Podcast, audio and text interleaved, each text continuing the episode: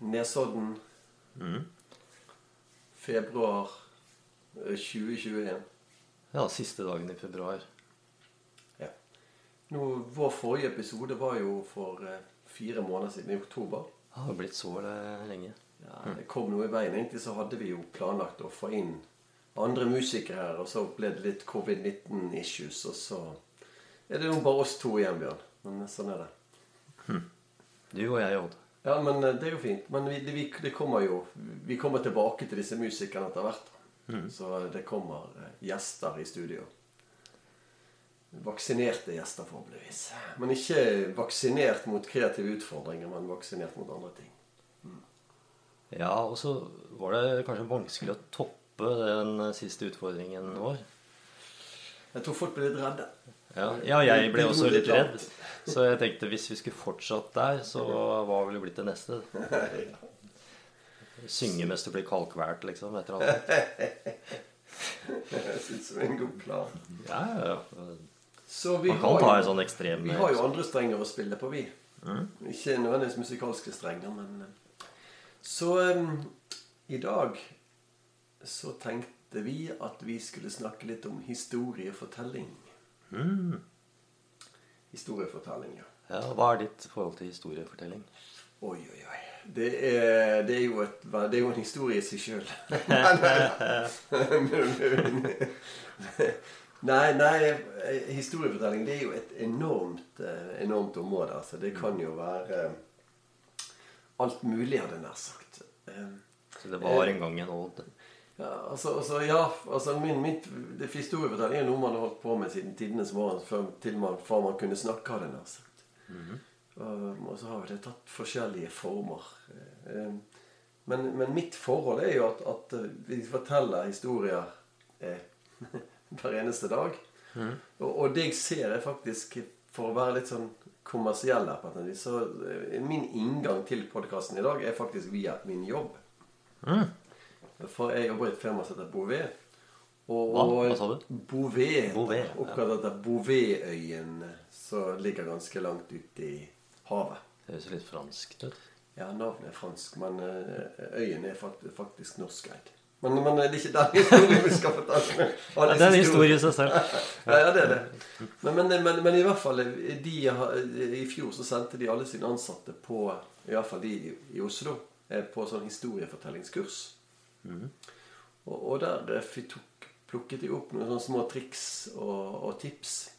Men hva var eh, bakgrunnen for at man sender eh, folka på jobb på et kvarter? Bakgrunnen er at eh, til og med i vår arbeidsverden så forteller vi historier veldig ofte. Altså Hvis du skal fortelle om noe du skal lage, eller noe du skal bygge, eller eh, et eller annet problem du har hatt, så det, blir det ofte en historie. Sant? Og da, Hvis du klarer å fortelle den historien på en god måte, og det kan jo selvfølgelig være et innsalg, eller, eller hva som helst Klarer du å fortelle den historien på en god måte, så er det bedre, mer sannsynlighet for at folk kjøper budskapet ditt, eller det du ønsker å selge.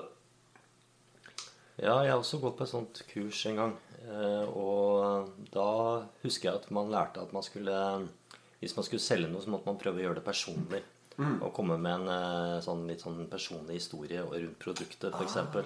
Ja. Så hvis du skulle selge en støvsuger, da, så er det et eller annet med at eh, Jeg husker da jeg var eh, liten. Så var det masse støv rundt i ja, ja. leiligheten. Og, og, og jeg var, slet stadig vekk med, med sånn astma og ting. ja, Men så plutselig så fikk, fikk naboen en støvsuger som vi fikk låne, og så Vips, så var astmaen borte, og den støvsugeren den kommer jeg aldri til å glemme. Altså, fantastisk. Den reddet ja. også helsen min. Men det er akkurat, det er akkurat det samme som vi De sa faktisk det på det historieforskningskurset vi var på. Skal du selge noe, ta inn en. Sånn. Men det er jo litt som å ta inn en eller annen katt på YouTube. eller noe sånt. Altså, Skal du folk til å klikke på noe, så tar du inn en søt katt eller en liten unge. eller noe sånt. Så, så får du kliks med en gang. Så det. Men, men, men det der med, med å personliggjøre fortellinger altså når du skal selge noe, det er jo det er litt, sånn- for det er jo det, er jo litt det de gjør i reklamen. For eksempel sånn, Se på disse Telenor-reklamene, for eksempel. Der har de jo eh, på en måte laget en historie rundt eh, denne familien.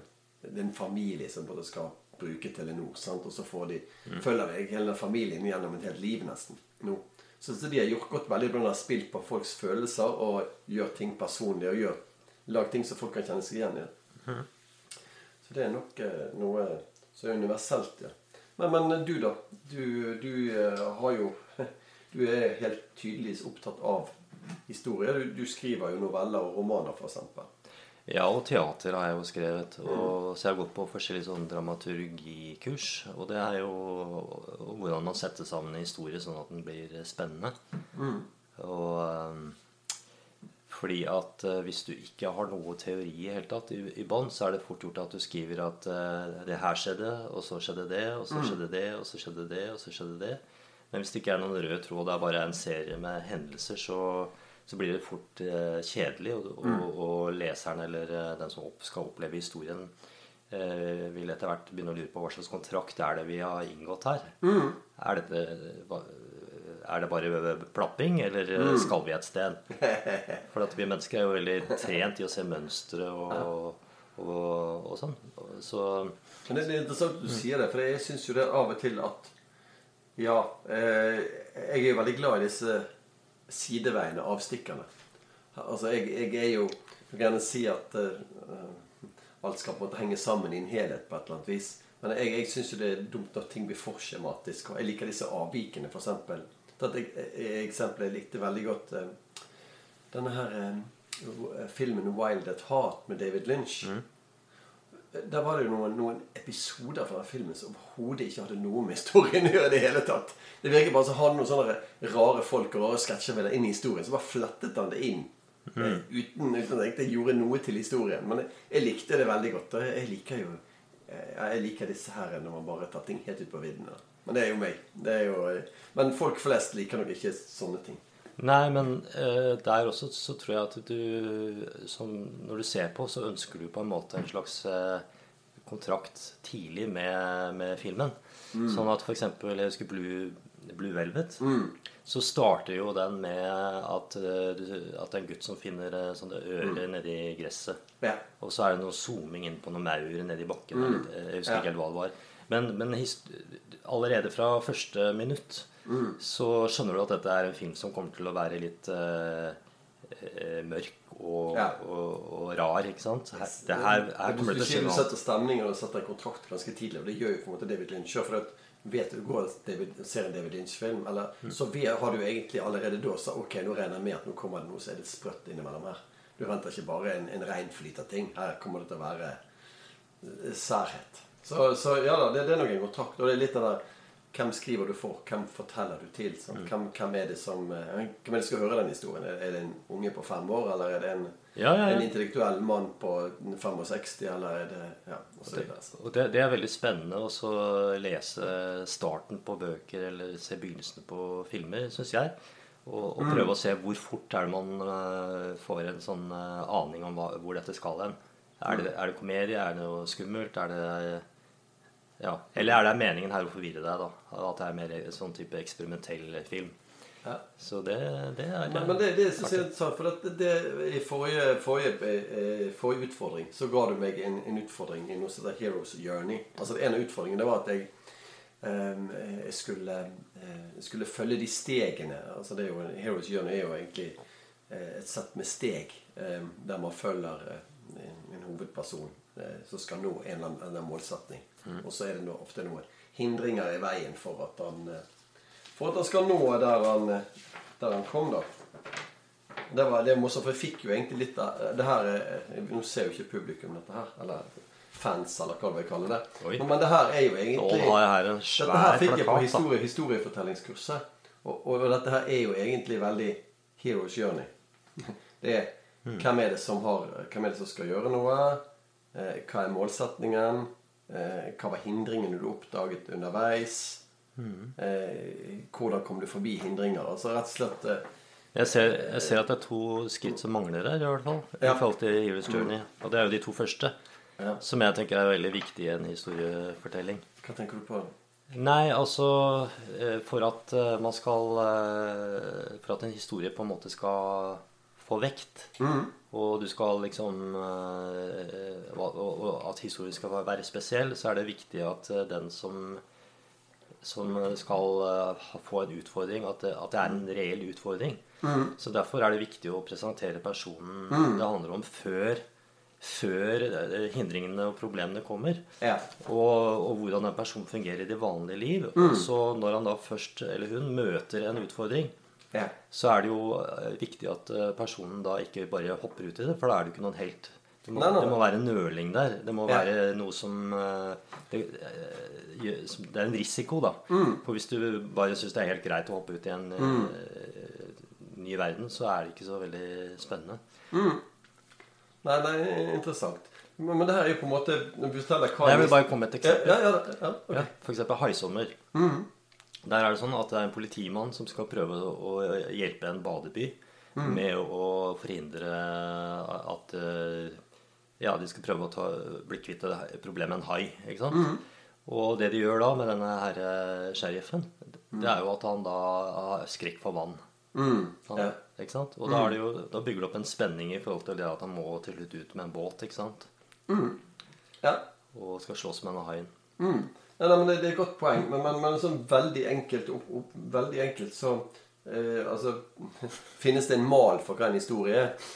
Altså En hero's journey det er i hvert fall en av det er ikke en mal, det er en måte å fortelle en historie på. da Med at du har eh, I løpet av historien så skal du på en måte ha løst en oppgave eller nådd et eller annet mål. Du skal ha fått et resultat, og så er det som oftest noen hindringer. For hvis du løser en oppgave uten at det er noen hindringer, så er det jo ikke så veldig spennende, da.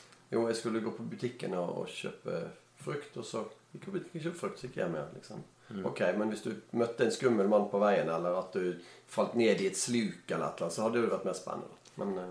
Ja, men jeg tenker jo at, eh, at en historie alltid inneholder de elementene. Det, det er liksom det jeg syns er spennende med den Heroes Journey. At Ja. alle fortellinger har, har disse elementene. Og hvis de mangler, så er det spennende å, å, å, å snakke om det. Hva, Ja, for eksempel, da, Vi får ikke vite noe om den der nølingen, for eksempel. For den kan man, man kan sikkert lage en historie om en person som ikke nøler. Uh, så, men ja.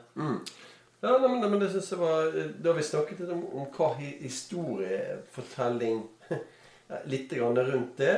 Og, og så tenkte jeg litt eh, Ja, historiefortelling det er jo veldig mye brukt i låtskriving. Eh, sånn Altså Opprinnelig så brukte man jo musikk til å fortelle historier. Altså gamle folkeviser og sånn. Det var jo nesten en muntlig overlevering. Og, og på en måte det, det er jo faktisk lettere å huske ting hvis du synger det, enn hvis du sier det ofte. Altså det kan, Hvis du rimer og synger det, det var sånn huskeregler man lager, sånn, så lager man ofte sanger og rim. Eh, så, så det var jo en, en, en, sikkert en sosial greie, men også en måte å overlevere et eller annet budskap på, eller mm, whatever. Men jeg tenker at låtskriving har alltid vært sentral Eller historiefortelling har alltid vært sentral i låtskriving. Mm. så, derfor så kan vi relatere det til det vi har jobbet med før, og at vi begge jobber med musikk, og at vi begge liker å, å skrive å skrive historier. Men, men, men en ting som jeg eh, tenkte litt på før vi skulle snakke om dette her, det var forskjellen mellom en muntlig og skriftlig historie. Altså forskjellen på at jeg sitter og forteller en historie nå, eller at jeg tar og skriver samme historien på et ark og leverer det, og så leser du den historien. Eh, eh, har du noe altså nå har ikke, da har ikke du forberedt noe, men bare har du noen refleksjoner rundt hva de forskjellene er på å få en muntlig og skriftlig overlevering av en historie? Ja, jeg tror at uh, hvis du skriver noe som skal, være, som skal bli lest, så, så handler det jo om eh, hvilke, at, man er nøye med ordene man bruker og sånn. Så, så da blir det jo mer eh, kunst, tenker jeg. At man da eh, prøver å finne nye måter å si ting på.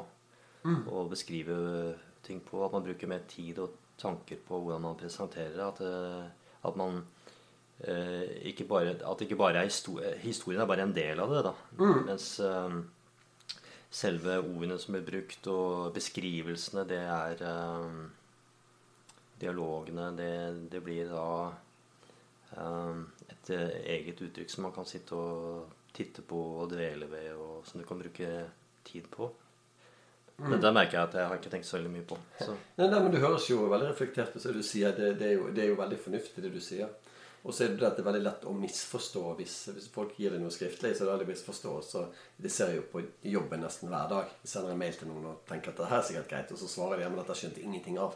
Men- ja, men i mitt hode så ble det greit, sant? Og så, og så har man en dialog, og så når man har en, en historiefortelling knyttet mot dialog, det er jo som man på en måte eh, det er som man på en måte gjør seg forstått på et vis. da. Men det jeg tenker som kan være en litt sånn morsom eh, blanding, Mm. en kombinasjon, det er at eh, eh, hvis man har skrivesperre, f.eks., og så sliter med å skrive, Mm. så, så har jeg ofte løst det med at jeg da istedenfor bare improviserer Mm. ved å snakke inn i en mikrofon, og så skriver jeg ned, ned det jeg har gjort etterpå. For det er nesten umulig å ikke klare å si noe. Ja, riktig. Ja, så bra. For det, ja, det er morsomt. Det er jo det, det i vår bransje kaller Eller i IT-bransjen som jeg jobber, jeg kaller for rubber ducking ofte. Altså det at du forteller det til en gummiand. altså hvis du har et, et problem du skal løse, så forklarer du til denne gummianden Jo, men jeg har tenkt å gjøre sånn og sånn og sånn. Og så sier jo ikke gummianden noe, sant? men, men denne kommer ikke med løsningen for deg. Så løsningen har du ofte sjøl, men du er nødt til å, å snakke en måte og faktisk få sortert tankene og kanskje få en annen vinkling enn hvis du skriver det. Ja. Form for overlæring eller eh, Og en fordel med det, det er jo også det at eh, at det kanskje er lettere å lese når det, når det ikke blir så veldig arkaisk. mm. Så noe av det jeg stusser ofte med i bøker, eh, og det er fordi at jeg sikkert har drevet litt med teater, det er at eh, jeg legger fryktelig fort merke til om dialogen i en bok er kunstig eller ikke. Mm. Så ofte så er det forfattere de glemmer å tenke på det. Så det, de, de, de, de skriver dialogen fordi at de tenker at eh, det, det her er en dialog, men de, de har ikke tenkt på at det, her, det er, at det er sånn folk, snakker folk sånn i virkeligheten. Ja. Men en, en øvelse vi skal komme inn på seinere Nå skal vi ha litt praktiske øvelser etter hvert. Du skal fortelle en historie. Vi skal ha noen øvelser knytta til det. Jeg skal utfordre deg, for det er jo kreative utfordringer. dette her. Men, men en, en ting som jeg har tenkt litt over, det, det er faktisk hastighet. Ja, Altså, Hvis jeg gir samme tekst til tre forskjellige personer, så vil alle lese den i forskjellig hastighet. Hvis jeg forteller den samme personen, nei, jeg forteller den samme historien muntlig til alle tre, og de sitter i samme sal, så vil alle oppleve eh, Altså alle vil i hvert fall få, få fortalt historien i samme hastighet. Og det har faktisk noe å si. Hvis du leser hvis, du, hvis du leser veldig kjapt gjennom en fortelling, så går du glipp av mange detaljer kanskje som er viktige for fortellingen. sant? Hvis du skumleser. Så, så dette med hastighet er noe som skiller, eh, skiller muntlig og skriftlig. Hvordan man eh, tar inn budskapet, da. For det- da sitter du, jeg leser en tekst du har skrevet, så velger jeg å stoppe Så velger jeg å stoppe opp det Populære folk blir oppringt, altså. ja. Ja. Um, ja. Hvor, hvor var det vi var? Eh, jo, eh, hvis jeg leser en tekst som du har skrevet, for eksempel, så vil jeg velge hvor jeg stopper. Ok, her har du skrevet kjønnsforskjeller, for eksempel. Greske, kjønn, kjønnsforskjeller, i, kjønnsforskjeller i gresk mytologi eller noe. Oi, det var spennende. Så stopper den og tenker hva mener han med det egentlig? Altså, ja, hvis, du, hvis, du, hvis jeg leser en tekst du har skrevet, så vil jeg kanskje stoppe opp på ett enkelt ord eller en spesiell setning og dvele veldig med det. ja. Det vil du Hvis, jeg, hvis du hadde lest fortellingen, så hadde du just jeg stoppet opp med det samme ordet. ja men, Altså, altså Dette har med, med tempo, og det her med pauser og, og Sånn er det i historiefortellinger. Al- Altså Hvis du justerer tempo, og, og hvis du har pauser på spesielle steder Hvis du har en dynamikk Det får du heller ikke når du leser. Altså Hvis jeg, hvis jeg snakker veldig høyt eller veldig lavt, så, så vil det eh, forandre budskapet på et vis. Og, og det er en tydelig forskjell på skriftlig og muntlig overlevering av, av et budskap. Og det finner jeg noe av det i, i musikken òg, da. Der kan du òg legge inn Så du lager et La oss si jeg fremfører en, en historie musikalsk. Så vil jeg legge inn pauser, jeg vil legge, øke tempoet, jeg vil, jeg vil eh, synge høyt hvis jeg noe jeg vil fremheve, eller vil kanskje dysse det ned. Sånn. Så det ja, hele den dynamikken mellom pauser og fart. Men den, den skal vi komme inn på etter hvert. Men jeg tror det er noe som skiller skriftlig og muntlig eh, låtfortelling Nei, nei historiefortelling. ja. Hm. Nå må jeg tenke litt. Ja, nei, men det, det er bare lov å tenke. Men eh, du får ikke lov å tenke så lenge, for da begynner jeg å snakke. Jeg tror, jeg, jeg tror hvis, hvis man skriver, så er, tror jeg det er fort gjort at man tenker at hvert ord er kjempeviktig. Men jeg tror at det som leser, i hvert fall sjøl når jeg leser, så er jeg ikke så veldig opptatt av det. Da er jeg bare opptatt av, selve historien, og om det fenger meg, liksom. Og da bare fiser jeg forbi Ja, ordene, ikke sant? Så det er jo som å kjøre motorvei og ikke se landskapet. Og ja. Tore, Tor Ulven sa jo det at i noe sånt som Han har gjort et intervju i løpet av livet sitt, og da sa han noe sånt som at eh, i kunsten så er vekten av et eneste ord eh, utrolig tung. da. Altså Han hadde jo en enorm sånn Han var opptatt av at hvert eneste ord skulle nytes på et vis. Men han skrev han veldig minimalistisk. da. Men det var, det var jo mer diktpoesi. Det var ikke historiefortelling han holdt på med i, i hovedsak. Tenk på det maleriet av Mona Lisa. Så det man snakker om, det er jo liksom det derre smilet og hvilken vei hun titter. Og det er liksom det. Da, da ser man kanskje ikke de andre detaljene i bildet. Eh, Bare, bare sånn Angående ja. historiefortelling, det er bare én ting til jeg, jeg kunne tenke meg å nevne. Eh, Jeg jeg ser på en, en veldig bra serie nå på, på Netflix som heter 'Painting with John'. En som heter John Louie. Jeg vet ikke om du kjenner til han. Nei. Han var med i filmen 'Down by Law', blant annet. Spilte med Tom Waits. Han er også musiker, og så nå er han maler. Og han har en veldig fin serie nå som, som ligger ute på Netflix, der han egentlig bare forteller historier om sitt eget liv. Du får se ansiktet hans, så sitter han og forteller historier om ting som har skjedd med han og broren. Og, og, og eh, det er utrolig kult, liksom. Han, han er veldig dyktig på dette med historiefortelling, da. Ja.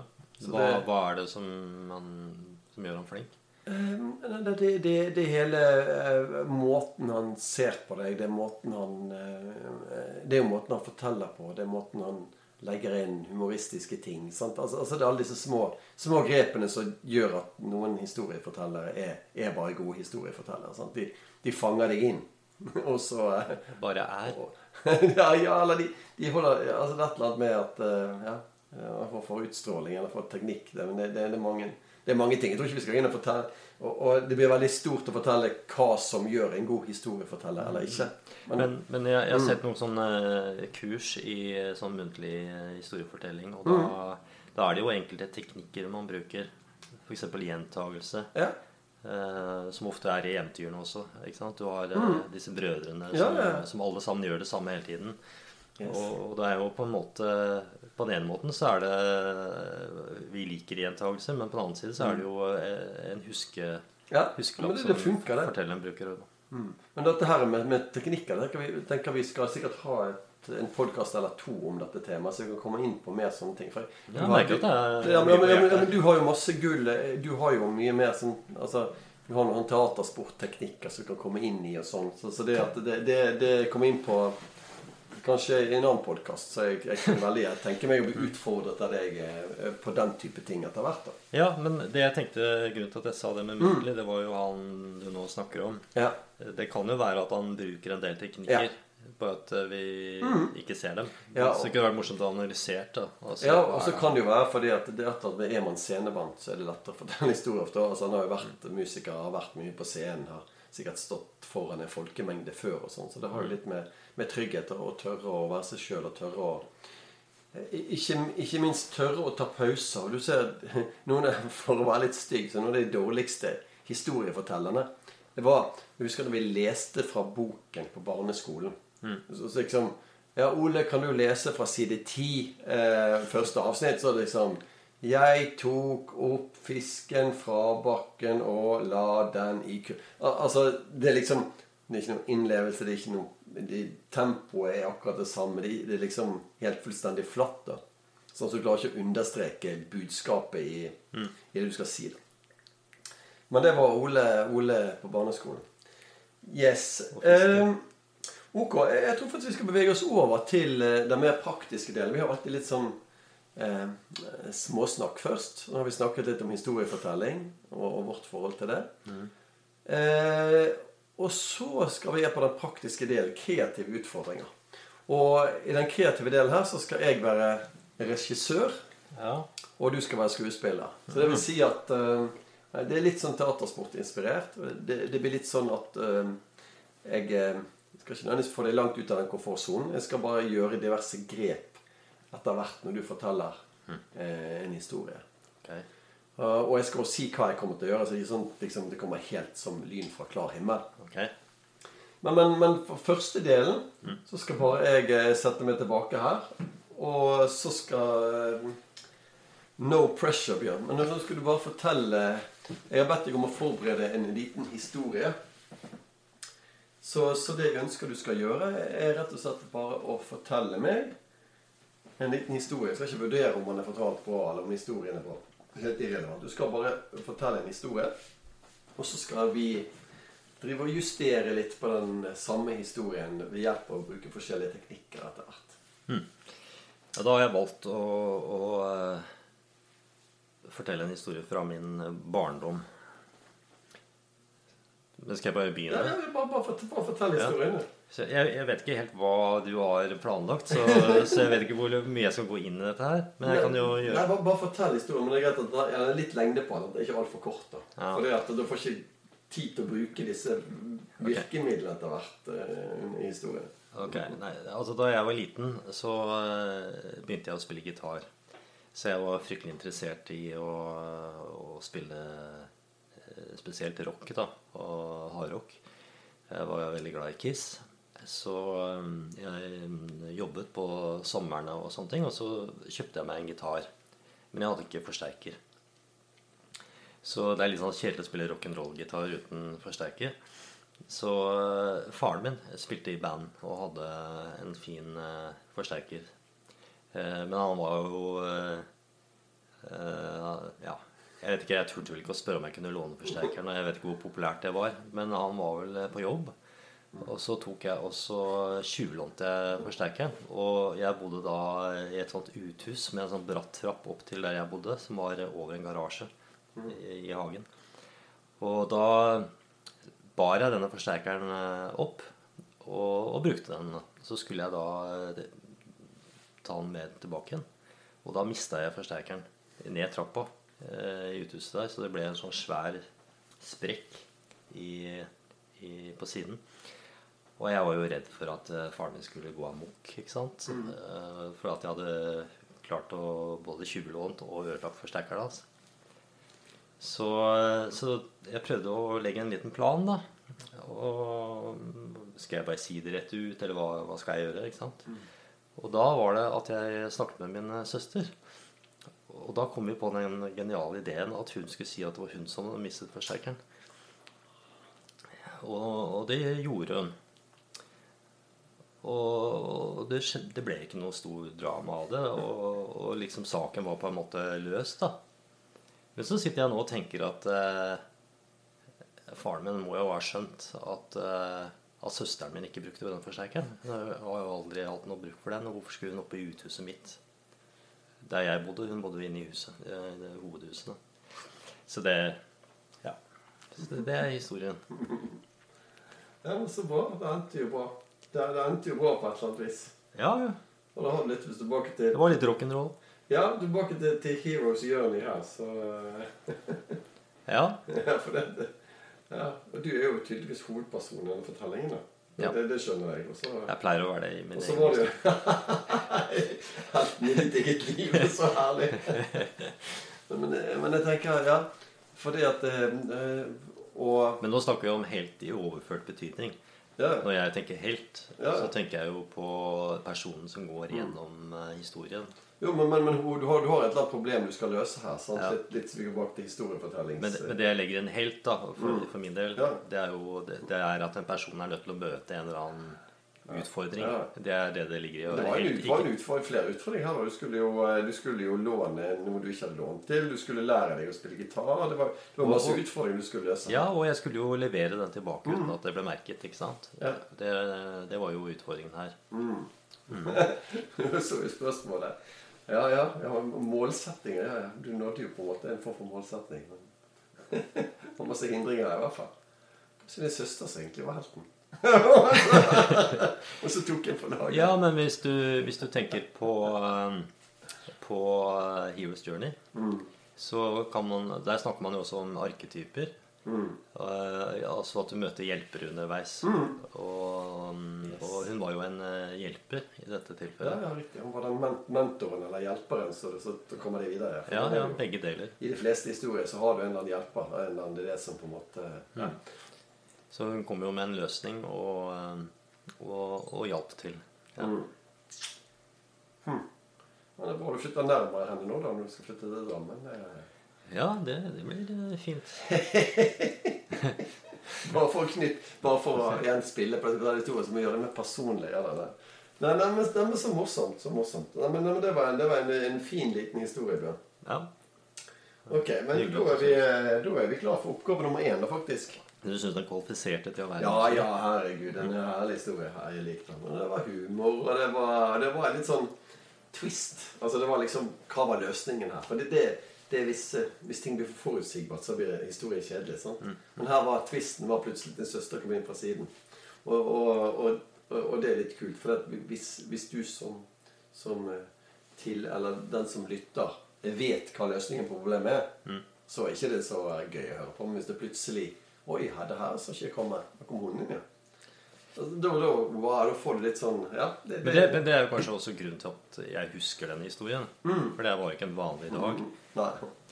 Ja, Man husker ikke alt det vanlige som skjer. Sant? Det man husker, det, det er de odde tingene, for, å, for å si det. Yes, yes. Eh, eh, den første oppgaven her Jeg skal forklare hva jeg skal gjøre først. Eh, sånn at du ikke eh, blir tatt helt på sengen der. eh, altså Når du forteller en historie, så er det egentlig Kan du fortelle denne via tre hovedlinjer, eller tre strømmer, eller, eller eh, tre veier, på en måte, ifølge denne teorien som vi lærte på dette kurset. da Ja, da må du fortelle hva de er. Ja, jeg, skal, jeg, jeg, skal si hva de tre er. Eh, eh, de tre, det er følelser. Altså, hva følte du underveis her? Altså Jeg ble lei meg, jeg ble redd, osv., osv. Og jeg ble eh, altså, altså, Du kan fokusere veldig på følelsene eh, til menneskene i historiene. Så det at eh, så underveis, hvis du forteller historien på nytt, så kan jeg si til deg at ja, men nå vil jeg bare vite hva du følte. Nå vil jeg bare vite følelser underveis. sant? Så skal du gå inn i følelsene der. Mm. Det er ett spor er følelser. En annen, en annen, et annet spor, spor nummer to, det er beskrivelser. Altså ehm, Hvis jeg sier 'beskriv', 'beskriv', 'beskriv', da skal du beskrive detalj. Du skal beskrive nøyaktig hvordan denne her, kanskje hvordan den forsterker så ut, hvordan så gitaren ut, hvordan var trappen, hvor var uthuset der du bodde, osv. Mm det, det er en, det er ett spor som går på beskrivelse. Så følelse av et spor og, Og beskrivelse av et spor. Og det kan si at eh, eh, Og det siste sporet, det er handling. Altså det er kun fokusere på hva som skjedde. Altså kun aksjonene som skjedde underveis. For eksempel, da tok jeg den, da tok jeg forsterkeren i hånden og bærte den med meg, og så gikk jeg nedover bakken, så gikk jeg opp trappen, og så åpnet jeg døren. Altså det er handling. Det er mer konkret. Hva Men, gjorde jeg? men uh, bare for å Mm, ja. inn nå, det er at jeg savner en, et, Ja, et spor som jeg tenker ofte er viktig å ha med, i hvert fall hvis man skriver. Mm. Ja. Det er eh, sanseinntrykk. Mm, ja, det, det, kan, det kan det ligger i beskrivelse. Altså, altså beskrivelse, så kan, så kan du ta med sanseinntrykk. Ja, beskriv mer. sånn. Og, og det kan det være det kan være sanseinntrykk. Det kan være ja, det luktet, det luktet sånn. eh, Det så sånn ut. Nå brukte bare den visuelle sansen i stedet. Men, men beskrivelse går opp på sanseinntrykk. Ja, eksempel at gardinene blaffer. Da, Mm. da gir det inntrykk av at enten altså er det varme fra en radiator, eller at det, Yes. eh, det, det blir litt mer liv i Mm. historien. Ja, ja, det er helt enig. Beskrivelse dekker sanseinntrykk. Så, så jeg egentlig bør si både beskrivelse og sanseinntrykk. Mm. Og når jeg sier beskrivelse, så får du lov til å sanse som en, som en vil underveis. Ja, ok. Ja, jeg tror jeg skjønner. Men Du skjønner? Vi skal liksom fortelle akkurat samme historien, og så sier du historie, ja, så sier jeg et stikkord. Nå, nå vil jeg, altså nå bare følelser. sant? Og Nå skal du bare få si hva du følte der og da. Og så når jeg skal beskrive, så skal du beskrive alt rundt det der du er. Når jeg, når jeg snakker om handling, så skal du bare konkret, nøyaktig hva, hva du gjorde. Men vær veldig vær, detaljert. Men um, når jeg fortalte historien første gangen, så brukte ikke jeg noe Heroes Journey. Eller jeg brukte Nei, nei. noen teknikker. Jeg bare nei, nei, nei, nei, snakket. for, du skulle jo akkurat det samme. Fortell historien. Men poenget er at nå skal du, nå skal du gå inn i Fremdeles bare fri fortelling, ikke noe, Ja, ikke noe struktur. Men, men det det. eneste er at når jeg sier at du skal Når jeg gir deg en av disse tre, tre veiene, så skal du gå rett inn i det. Hvis jeg sier beskrivelse, på en måte, så skal du fryse bilder, så skal du bare beskrive hvordan alt var rundt deg. Skal jeg begynne, da? Yes. Har du plassert deg sjøl et eller annet sted der du begynner?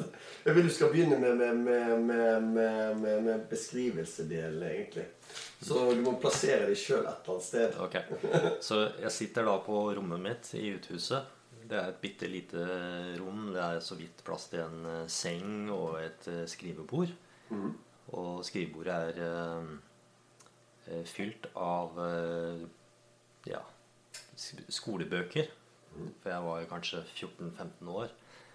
Og eh, der sitter jeg da med min, uh, min elektriske gitar, som er en eh, sånn Squire Stratocaster. En hvit, eh, flott eh, kopi av Fender Stratocaster. Samme modell som eh, Richard Blackmore og Jimmy Hendrix eh, spilte på. Og jeg sitter der og drømmer at jeg liksom står på scenen og er Jimmy Hendrix, da. Og på, nå kan du gå over, for, nå kan du gå over og fortelle litt, litt handling. Mm. Litt over. Nå skal du gjøre noe. Ja. så, så sitter jeg der og, og merker at jeg mangler eh, lyd. Det kommer ikke noe fete toner ut av gitaren. Så jeg bestemmer meg for at, eh, at jeg, skal, jeg må finne på en løsning. Og ikke har jeg penger, har jeg, så jeg kan ikke bare kjøpe en forsterker. Men så kommer jeg jo på at faren min har en eh, fantastisk flott forsterker stående nede i, eh, i, i stua da, der han holder på. Og han er borte fra jobb, så jeg går ut av rommet mitt og ned trappa og, og, og henter forsterkeren som står der inne. Nå, nå vil jeg ha følelser. Kun følelser. Hva føler du? Eh, jeg har jo masse angst og er nervøs fordi at jeg vet at eh, det her har jeg ikke lov til. Samtidig er jeg nysgjerrig og spent på hvordan det ville låte å spille gitar på full guffe gjennom den eh, forsterkeren der. Så, eh, så jeg er både spent og nervøs og redd og, og går på beskrivelse igjen? Eh, ja, forsterkeren den er eh, svær. Det er en sånn eh, med én høyttaler. sånn type 40 watts eh, sak som veier kanskje For meg så tror jeg den virka som den veide 20 kilo. Den var blytung. Svær. Én gang én meter eller noe sånt. Eller 60 ganger én meter. Og, og bare jeg skal løfte den, så er jeg redd for at at den skal ryke i håndtaket. Så jeg merker jo at eh, dette her er usikre greier. Og så tenker jeg at eh, jeg skal opp den bratte trappa i uthuset med den der forsterkeren, så jeg må være veldig forsiktig. eh, Så jeg ikke detter ned. Gå på handlingen. Ja, så jeg tar tak i forsterkeren og drar den med meg ut da, av huset over gårdsplassen. Og klarer å få den opp den bratte tretrappa i uthuset. Var det handling nå, forresten? Ja, handling. Ja. Og jeg går da den siste strekningen inn til rommet, kobler opp forsterkeren og eh, putter inn eh, kabel og, og rocker løs og, og, og koser meg, da. Så, så flyr. Følelser. Følelser. Forklar følelsen akkurat der. Ja, det er en egen følelse når du hører en elektrisk gitar eh, gjennom en forsterker. Og når det er høyt, så kjenner du at det vibrerer i, i kroppen og i, i. Og, og eh, det låter eh, på en måte helt annerledes enn eh, hvis du bare sitter og hører på en gitar uten forsterker. For da Det er jo ikke sånn det er ment å høres.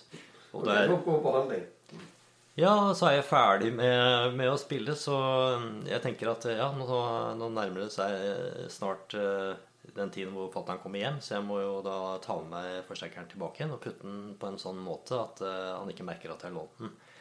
Så jeg dra, plugger, drar ut eh, ledningen og eh, drasser den med meg over gulvet og bort der hvor trappa går ned til gårdsplassen. Og så skal jeg da gå ned. Og eh, selv om jeg prøver å være kjempeforsiktig, så, så mister jeg taket da på forsterkeren, og den da suser ned trinnene og treffer kanten nede på endetrappetrinnet, og, og det blir en svær sprekk. Og følelser. Ja, da har jeg jo masse angst og eh, skjønner at eh, spillet er over. Så jeg er redd, jeg er nervøs, jeg er sinna på meg sjøl fordi at jeg gjorde dette her. Og har lyst til å slå meg sjøl, sparke meg selv i beinet. Så jeg er frustrert, jeg er lei meg. Um, kanskje gråter jeg litt òg, det, det, husker jeg ikke. Men jeg syns sikkert veldig synd på meg selv, mer enn jeg syns synd på min far. Så um, Så ja. Så det handler handlingen. Så jeg tar da forsterkeren og bærer den inn i stua og putter den der hvor jeg fant den. Og nå er jeg jo ikke så nøye med å putte den akkurat sånn som jeg fant den, for jeg vet jo at det her blir jo avslørt uansett. Men så kommer Mens jeg sitter og, og prøver å finne ut uh, hvordan jeg skal fortelle dette på en god måte, så kommer da søsteren min, som er uh, to år yngre enn meg. Hun kommer blid og fornøyd inn døra og har vært på skolen. Regner jeg med. Og så forteller jeg historien da, og viser henne sprekken på, på forsterkeren. Og så eh, sier hun til meg da, Bjørn, vet du hva? Jeg, vi kan si det, at, at, det var jeg som mista den. Mm. Føle, mer følelser. Hva følte du da? Da ble jeg jo eh, veldig lettet. Og jeg er jo alltid glad i min søster. Eh, og da ble jeg jo eh, Eh, skjønte jeg jo hvor flott og herlig hun er. Så det var jo masse kjærlighet og takknemlighet, ikke minst, for at hun ville ta på seg dette her. Og eh, jeg var kanskje også eh, litt tvilende til om dette var en god løsning, og hadde sikkert noe skam for å, for å liksom skulle uh, gi henne skylda. Mm. Men så, når jeg overveide dette her, så fant jeg vel ut at uh, at eh, han ble aldri sinna på henne, liksom. Men meg kunne han bli ganske sinna på. Og det var jo sikkert fordi jeg gjorde mer ugagn. Uh, I og med at, at, at, eh, hans interesse var det samme som mine på mange måter. da Og gå på handlingen. Eller hvis det er noe igjen? Ja, så øh, Far kommer hjem øh, etter hvert, og øh, de viser han forsterkeren.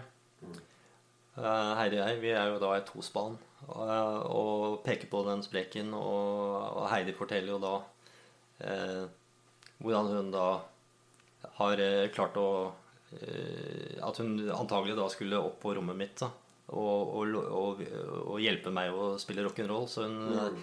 hadde lyst til å vise meg den forsterkeren og overraske meg med det. Men, men da vi skulle levere den tilbake igjen, så mista hun ned trappa. Og ja. Mm. Og det ja. ja nei, men greit, Bjørn. Da har du vært gjennom hele Da stopper vi der. Ja, men da har du vært gjennom eh, en hel Nå har vi forsøkt å, å justere fortellingen litt. Men jeg har eh, mm. vært et regissør og, og eh, Hva tenker du om som å fortelle historie? Var det rart å fortelle når du gitt instruks underveis? Ja, det, det, jeg merker eh, Det jeg syns var vanskeligst, var følelsene. Fordi mm. jeg har ikke jeg, jeg, på, på, et, på, en måte så konstruerer jeg jo en historie.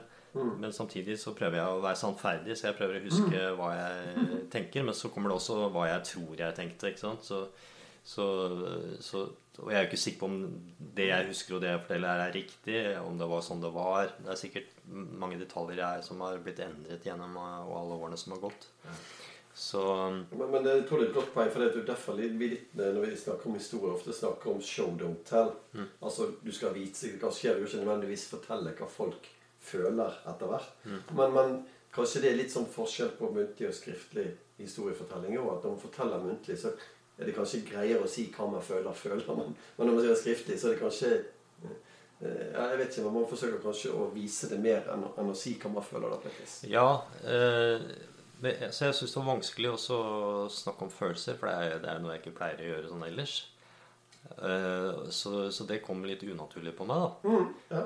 uh, og når jeg skriver, mm. så prøver jeg å, å, vise følelsene i handlingen og i uh, ordene som blir sagt, istedenfor mm. at en person sier at 'jeg er redd' så vil jeg heller kanskje beskreve hvordan personen da mm. forsiktig åpner døra før han går inn. ikke sant? Yeah. Sånne type ting. Ja, det, det er show don't tell, egentlig. Yeah. Men da gjennom handlinger og beskrivelser, sånn som egentlig utgjør historien. Ikke, ikke nødvendigvis følelsen så direkte. Mm. Ja. Nei, det, det, det, var, jeg tror det var litt det, det vil jeg tro at det var den verste utfordringen. akkurat å tenke hva er det man føler.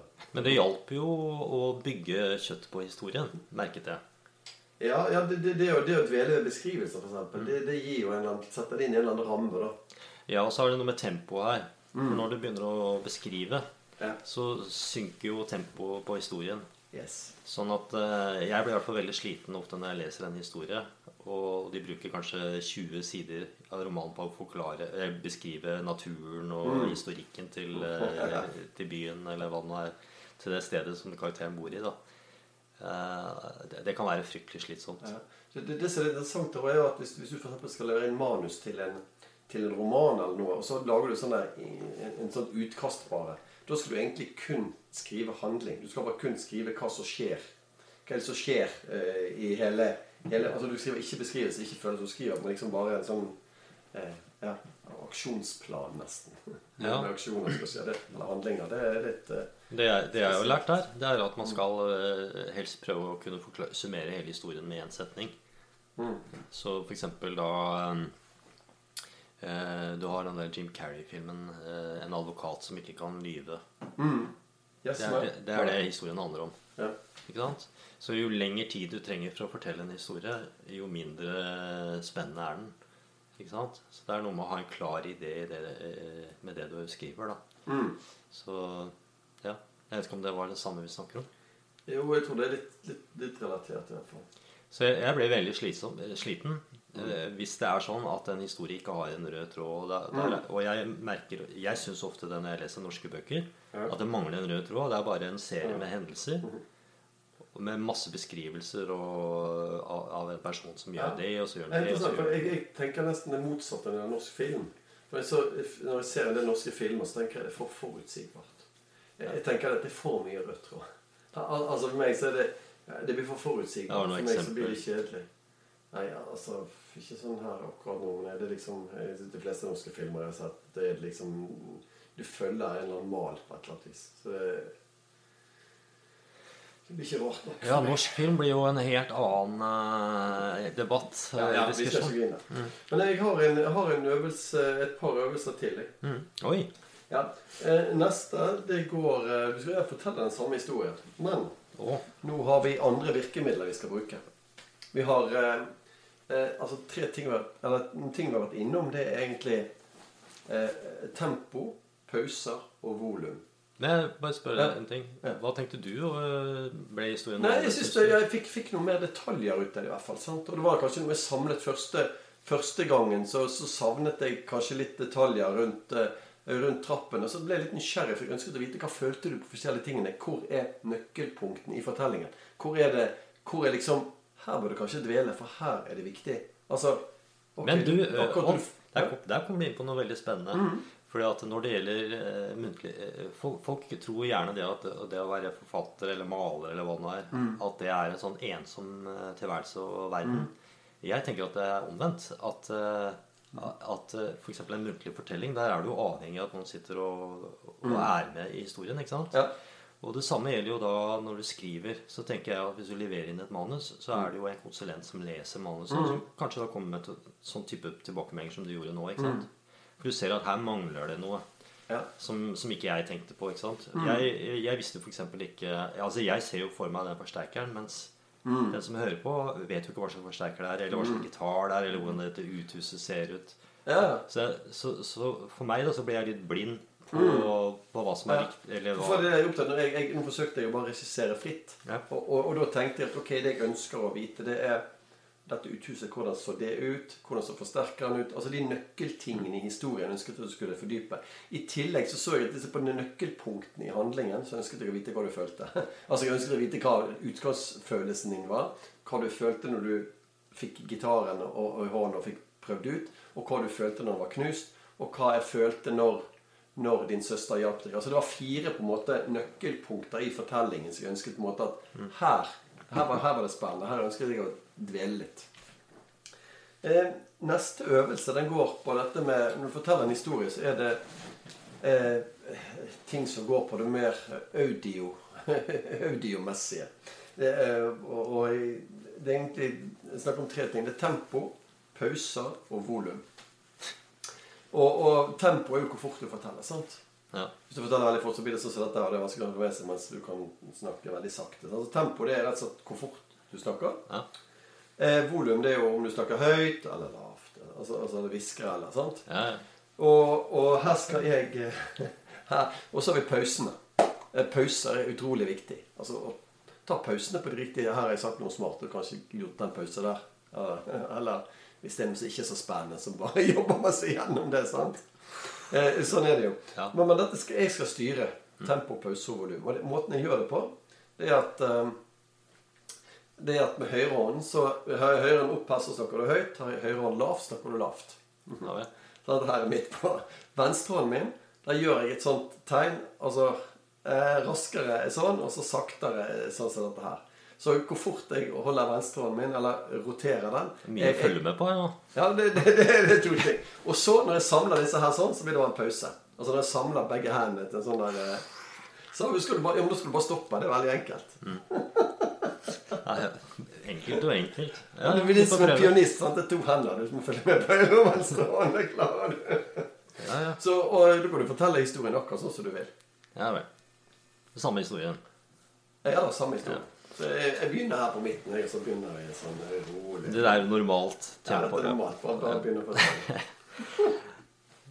ja, dette her var vel på 80-tallet, tenker jeg at det var. Og så plutselig så skulle jeg låne en forsterker som jeg ikke hadde lov til. Og så løp jeg opp på rommet mitt, og så gikk jeg ned trappa og over gårdsplassen fant jeg eh, inngangsdøra til huset, og jeg eh, gikk inn der. Åpnet døren. Der var forsterkeren til faren min, som jeg hadde ikke lov til å låne. Så jeg dro da ut stikkontakten, og jeg dro og puttet ledningen inni kabinettet, for det var et høl bak der, og så dro jeg den over, eh, over stuegulvet og, og opp trappa og skyndte meg inn på rommet mitt, hvor jeg puttet ledningen tilbake inn, og så koblet jeg til gitaren, som jeg syntes var eh, spennende å prøve der inne på, med, noe, med noe nytt som jeg aldri hadde prøvd før. Så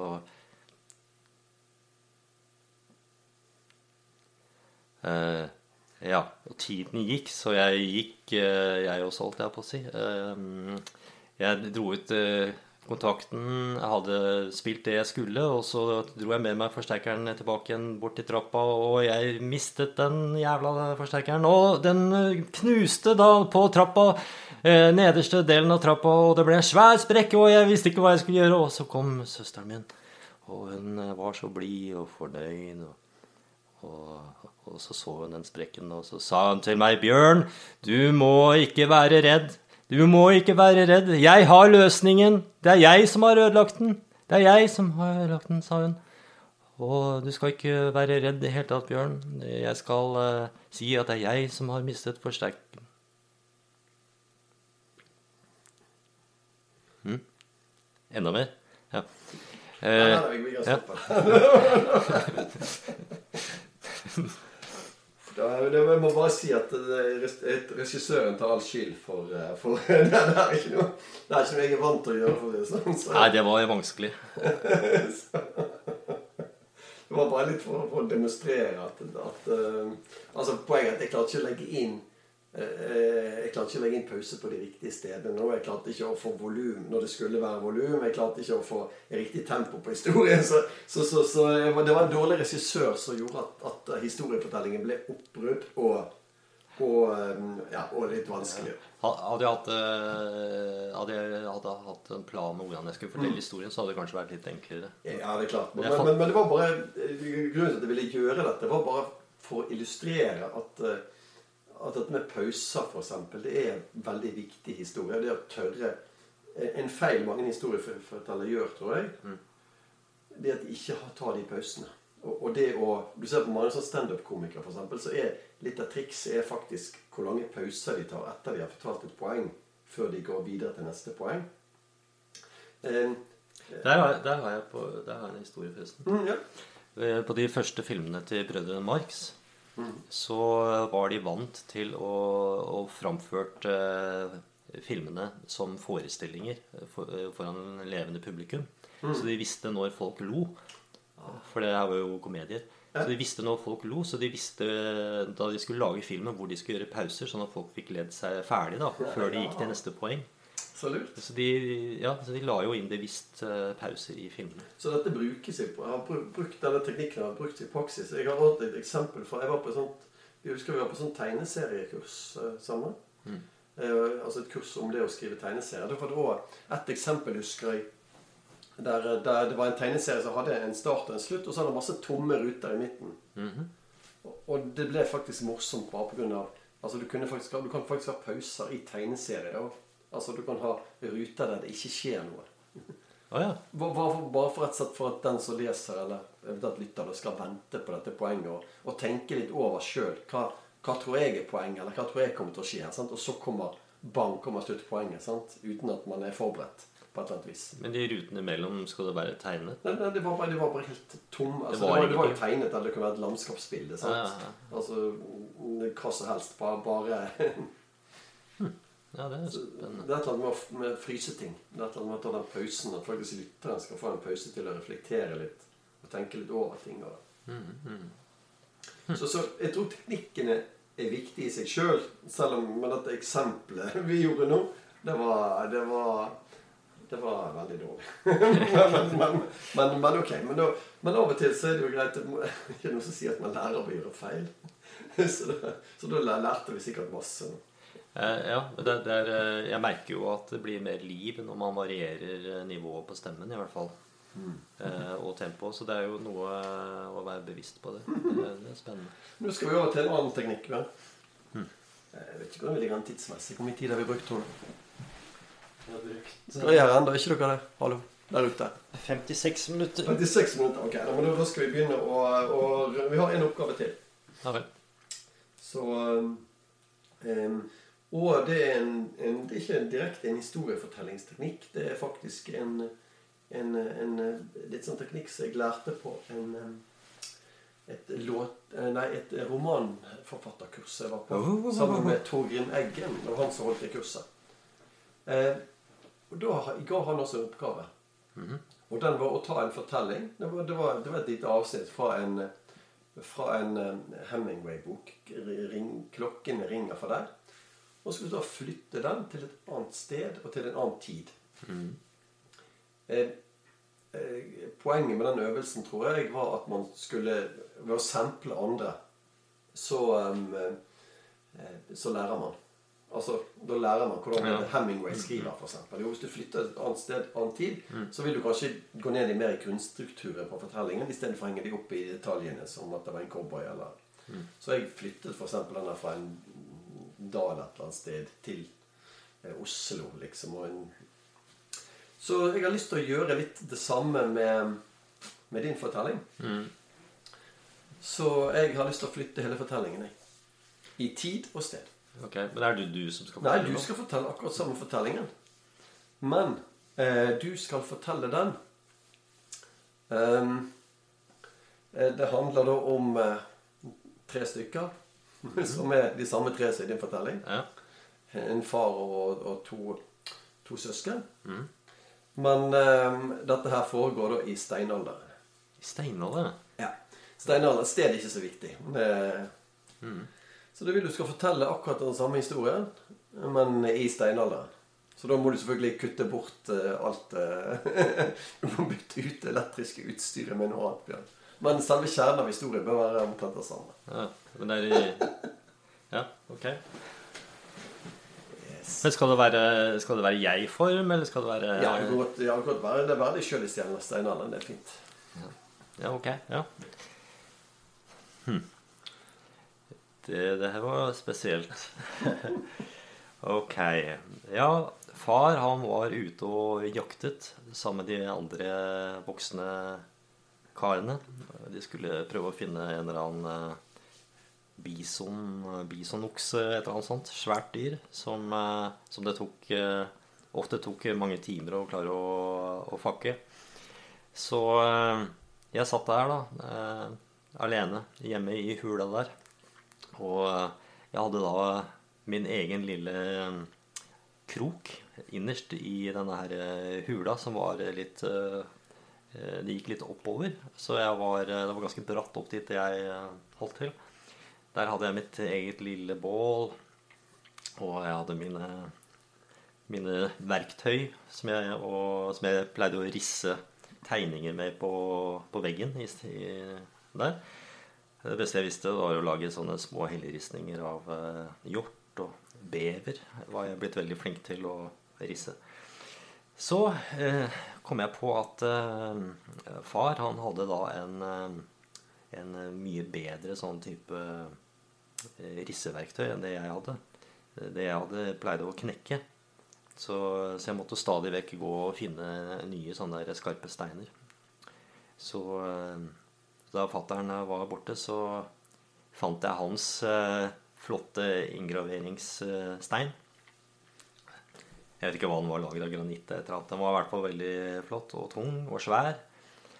Og eh, han pleide jo å bruke den til å risse inn eh, svære, svære greier i eh, steinveggen uh, utafor. Hvor det pleide å være sånne folkefester og sånn. Men eh, jeg tok noe med meg den og dro opp på mitt lille rom eh, der innerst i grotta der og begynte da å risse løs. Og jeg lagde en eh, svær, flott bever og en eh, flott hjort, og jeg var veldig kry og fornøyd. For det, jeg visste at disse tegningene her kom ikke til å forsvinne sånn som de hadde gjort med den lille steinen. Eh, de pleide å liksom eh, visne etter hvert. Så jeg tok med meg da denne steinen tilbake igjen. For jeg visste jo at eh, Jeg hørte nå at, var, at de var på vei tilbake igjen.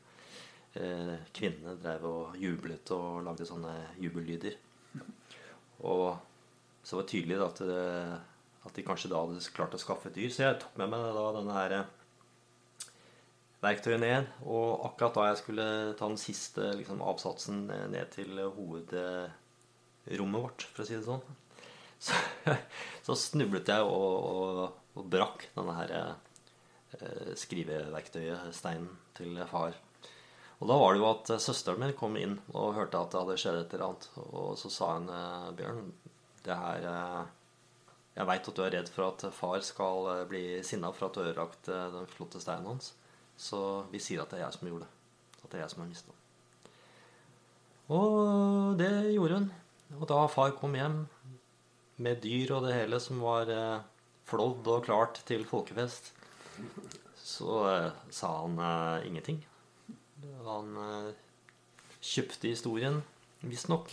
Nå i ettertid så skjønner jeg at han antagelig skjønte at det ikke var søsteren min som hadde knekt den steinen, for at hun var ikke opptatt av å bruke sånt i det hele tatt. Hun tegnet ikke og var mer opptatt av andre ting.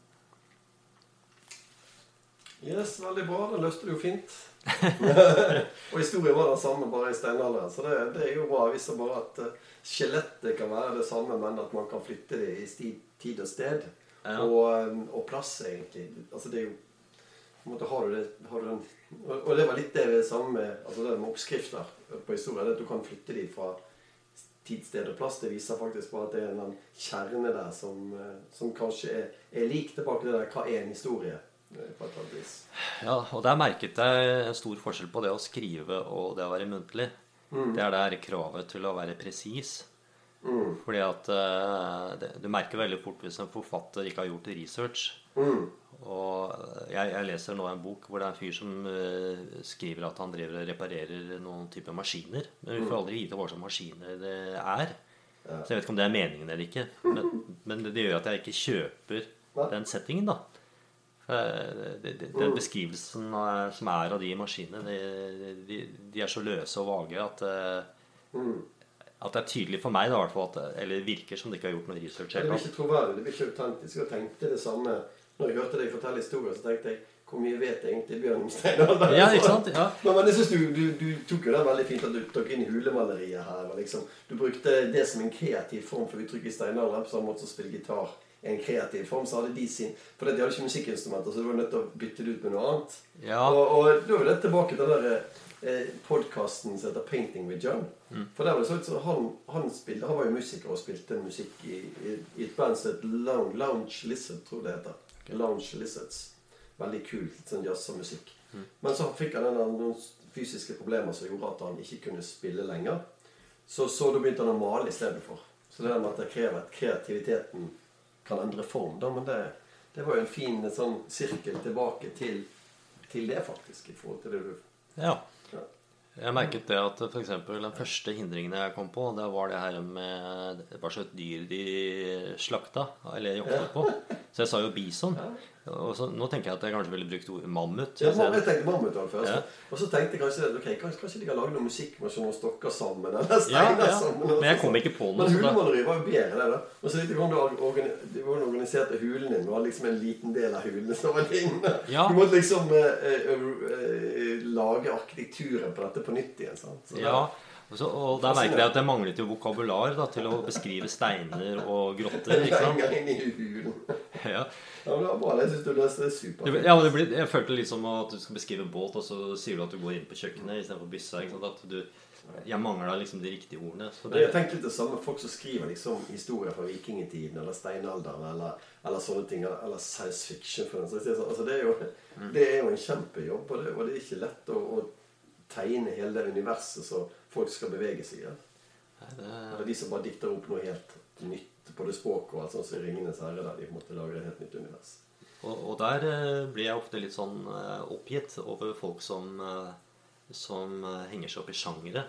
For eksempel at de sier at jeg hater westernfilmer, eksempel, eller jeg hater science fiction-filmer. For, for det er jo som vi nå demonstrerte, da, at det handler jo om historien. Yes, historiefortelling. Ja, mm. Du kan fortelle en historie om det er en cowboysetting, eller om det er i, framtiden, så spiller egentlig ikke noen rolle.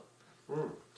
Jeg syns det var en eh, god oppsummering av eh, hele episoden. Jeg, jeg tror Ah. vi skal, Nå har vi holdt på i over en time. Jeg tror vi skal eh, eh, Men ja, er dette et spor vi kan tenke oss å ha en podkast til på? Eller? Jeg syns det er spennende. Hvis, hvis du, du har, jeg vet du har en del ting i verktøysboksen din, så hvis du har noe du har lyst til å prøve på meg Ja. neste podkast, og, og grave frem noe, så syns jeg det hadde vært superkult. Da. Jeg skal la hjernen tygge litt på Ja. dette her. Men det var, det var morsomt. Ja, ja, men, det var Så bra, for jeg føler vi har fått en, en fin samtale om, om historier og hva det er. og Mm. hvordan, eh, ja, Det er masse, masse spennende temaer. Så jeg håper at de som har lyttet på, har fått noe, noe ut av det. For det at, eh, si- de fleste som sitter og lytter, skal helt sikkert fortelle en historie eh, i dag eller i morgen eller neste uke. Sant? Altså, de, det er jo det vi det er jo den dialogen mellom mennesker er jo veldig mye historiefortelling. Så du kan tenke litt på hvordan de Mm. fremlegger det budskapet. Ja, ja. Det her er, her er mye man kan eh, ja, alle, er, ja, alle er involvert i historier, og vi ser historier hele tiden. Om det er TV-serier eller eh, en nyhetsreportasje. Det er eh, alt, er, Mm. alt er historier. Yes, alt er historier. Men da slutter vi der, Bjørn. Ja. Veldig bra jobba av deg. Som vanlig. det. Ha det bra. Ha det bra, folket. Fansen der ute. Ha det til fansen.